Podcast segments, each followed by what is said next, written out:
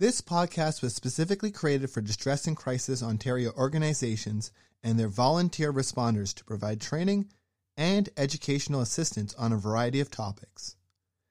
As information evolves and changes, these podcasts are meant to offer ongoing support with the goal of updating them on an ongoing basis.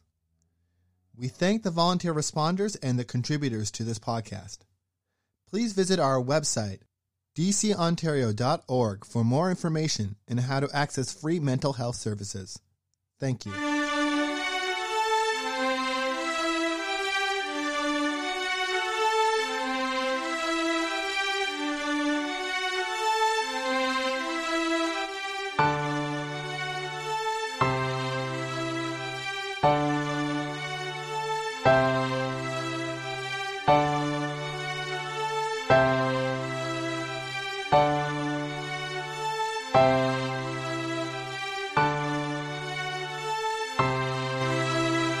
Hello, my name is Caitlin Plant, and I am the Program Manager at Distress and Crisis Ontario.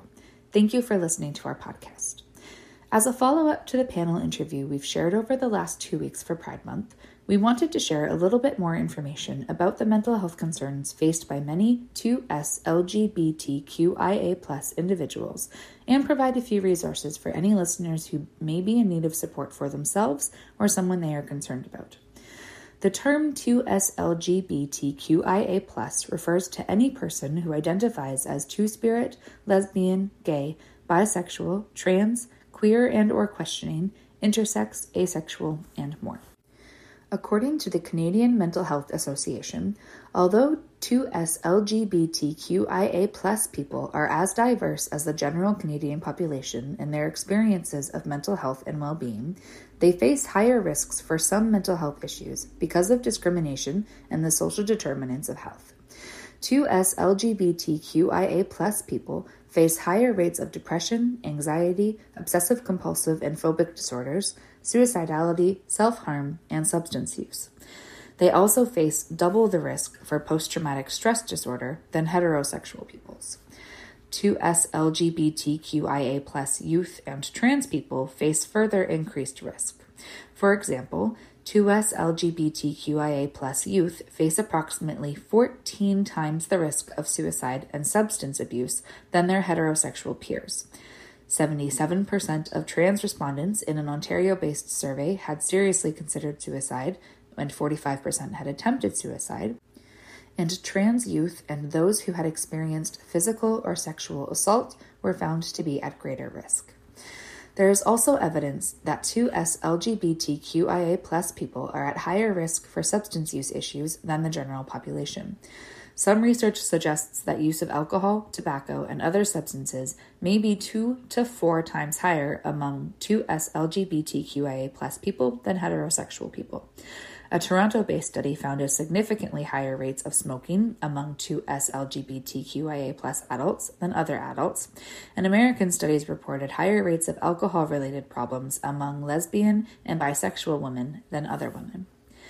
2S LGBTQIA individuals may also experience multiple forms of marginalization or disadvantage at the same time. For example, an individual's experience may be shaped all at once by their sexual orientation, racialization, gender, disability, and income. Intersectionality refers to an approach by which intersecting experiences of marginalization and the needs of the whole person are considered. There are multiple ways that intersectionality impacts the mental health of 2S LGBTQIA plus people. For example, people may experience racism, sexism, poverty, or other factors alongside homophobia or transphobia that negatively impact on mental health. Additionally, an individual with a mental health condition who is also a 2S LGBTQIA person may face added challenges in accessing mental health services that are appropriate and inclusive and may face discrimination on the basis of both disability and sexual orientation. If you are a 2S LGBTQIA individual or ally looking for support for yourself or someone else, hopefully one of the following resources can help. LGBT Youthline is a youth led organization that offers peer support to Ontarians aged 29 and under. Youthline offers confidential and non judgmental peer support through telephone, text, and chat services from Sunday to Friday 4 p.m. to 9:30 p.m. Eastern Standard Time. At Youthline, you can receive support anonymously, be referred to other services, receive training on how to provide support to other youth, and find resources to help make informed decisions regarding your own life. To learn more about Youthline, visit www.youthline.ca. Queer Ontario is a provincial network of gender and sexually diverse individuals and their allies who are committed to questioning, challenging, and reforming the laws, institutional practices, and social norms that regulate queer people. They fight for accessibility, recognition, and pluralism using social media and other tactics to engage in political action, public education, and coalition building. To learn more, visit queerontario.org. Rainbow Health Ontario, or RHO, creates opportunities for the healthcare system to better serve 2S LGBTQIA individuals and communities. RHO offers training for healthcare providers across the province to feel more clinically and culturally competent in caring for their 2S LGBTQIA service users. RHO also supports system change by producing evidence based print and web resources, contributing to a 2S LGBTQIA plus health perspective to public policy processes, acting as a research catalyst, and hosting Canada's largest 2S LGBTQIA plus health conference.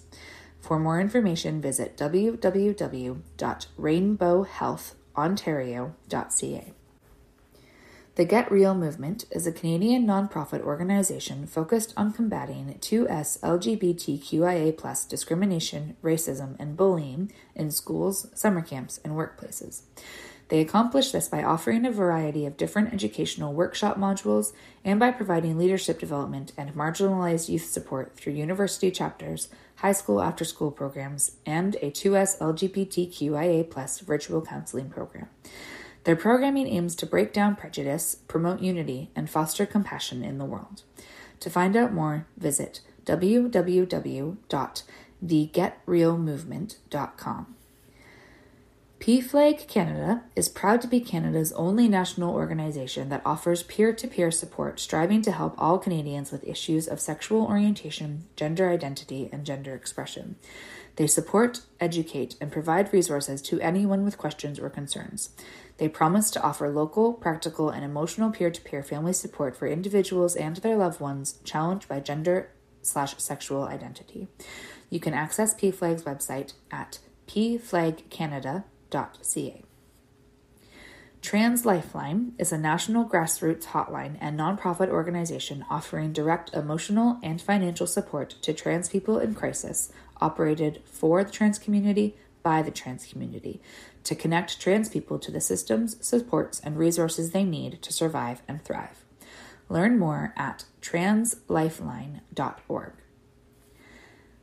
The Canadian Centre for Gender and Sexual Diversity, or CCGSD, intersectionally promotes diversity in gender identity, gender expression, and romantic and or sexual orientation in all its forms on a national level through services in the areas of education, health, and advocacy. Their resources and programming can be used to uplift gender and sexual minorities, as well as providing tools to wider populations in building allyship. CCGSD envisions a world in which people can shape the decisions that impact their lives, enjoy freedoms, and navigate an equal world free of violence.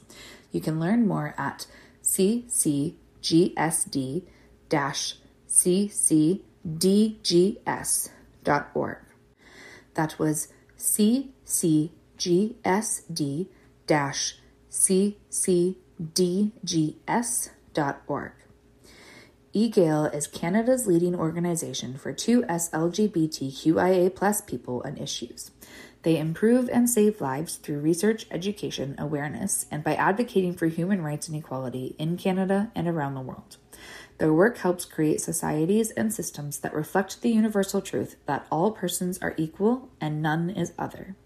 Egale's vision is a Canada and ultimately a world without homophobia, biphobia, transphobia, and all other forms of oppression so that every person can achieve their full potential free from hatred and bias.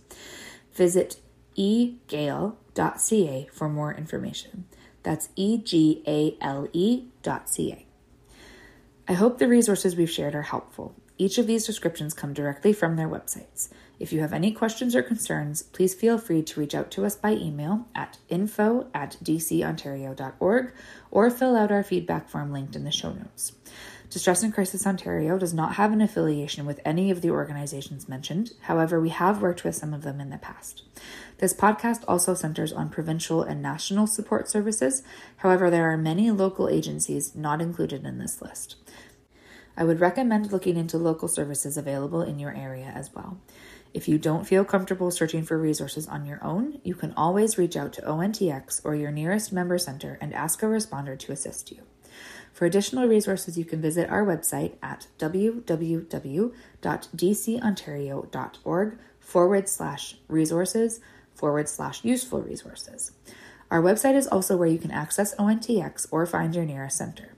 ONTX can also be reached by texting support to 258 258, and it is available from 2 p.m. to 2 a.m. Eastern Standard Time daily. Thank you for listening. I hope you have a wonderful week and join us again next time.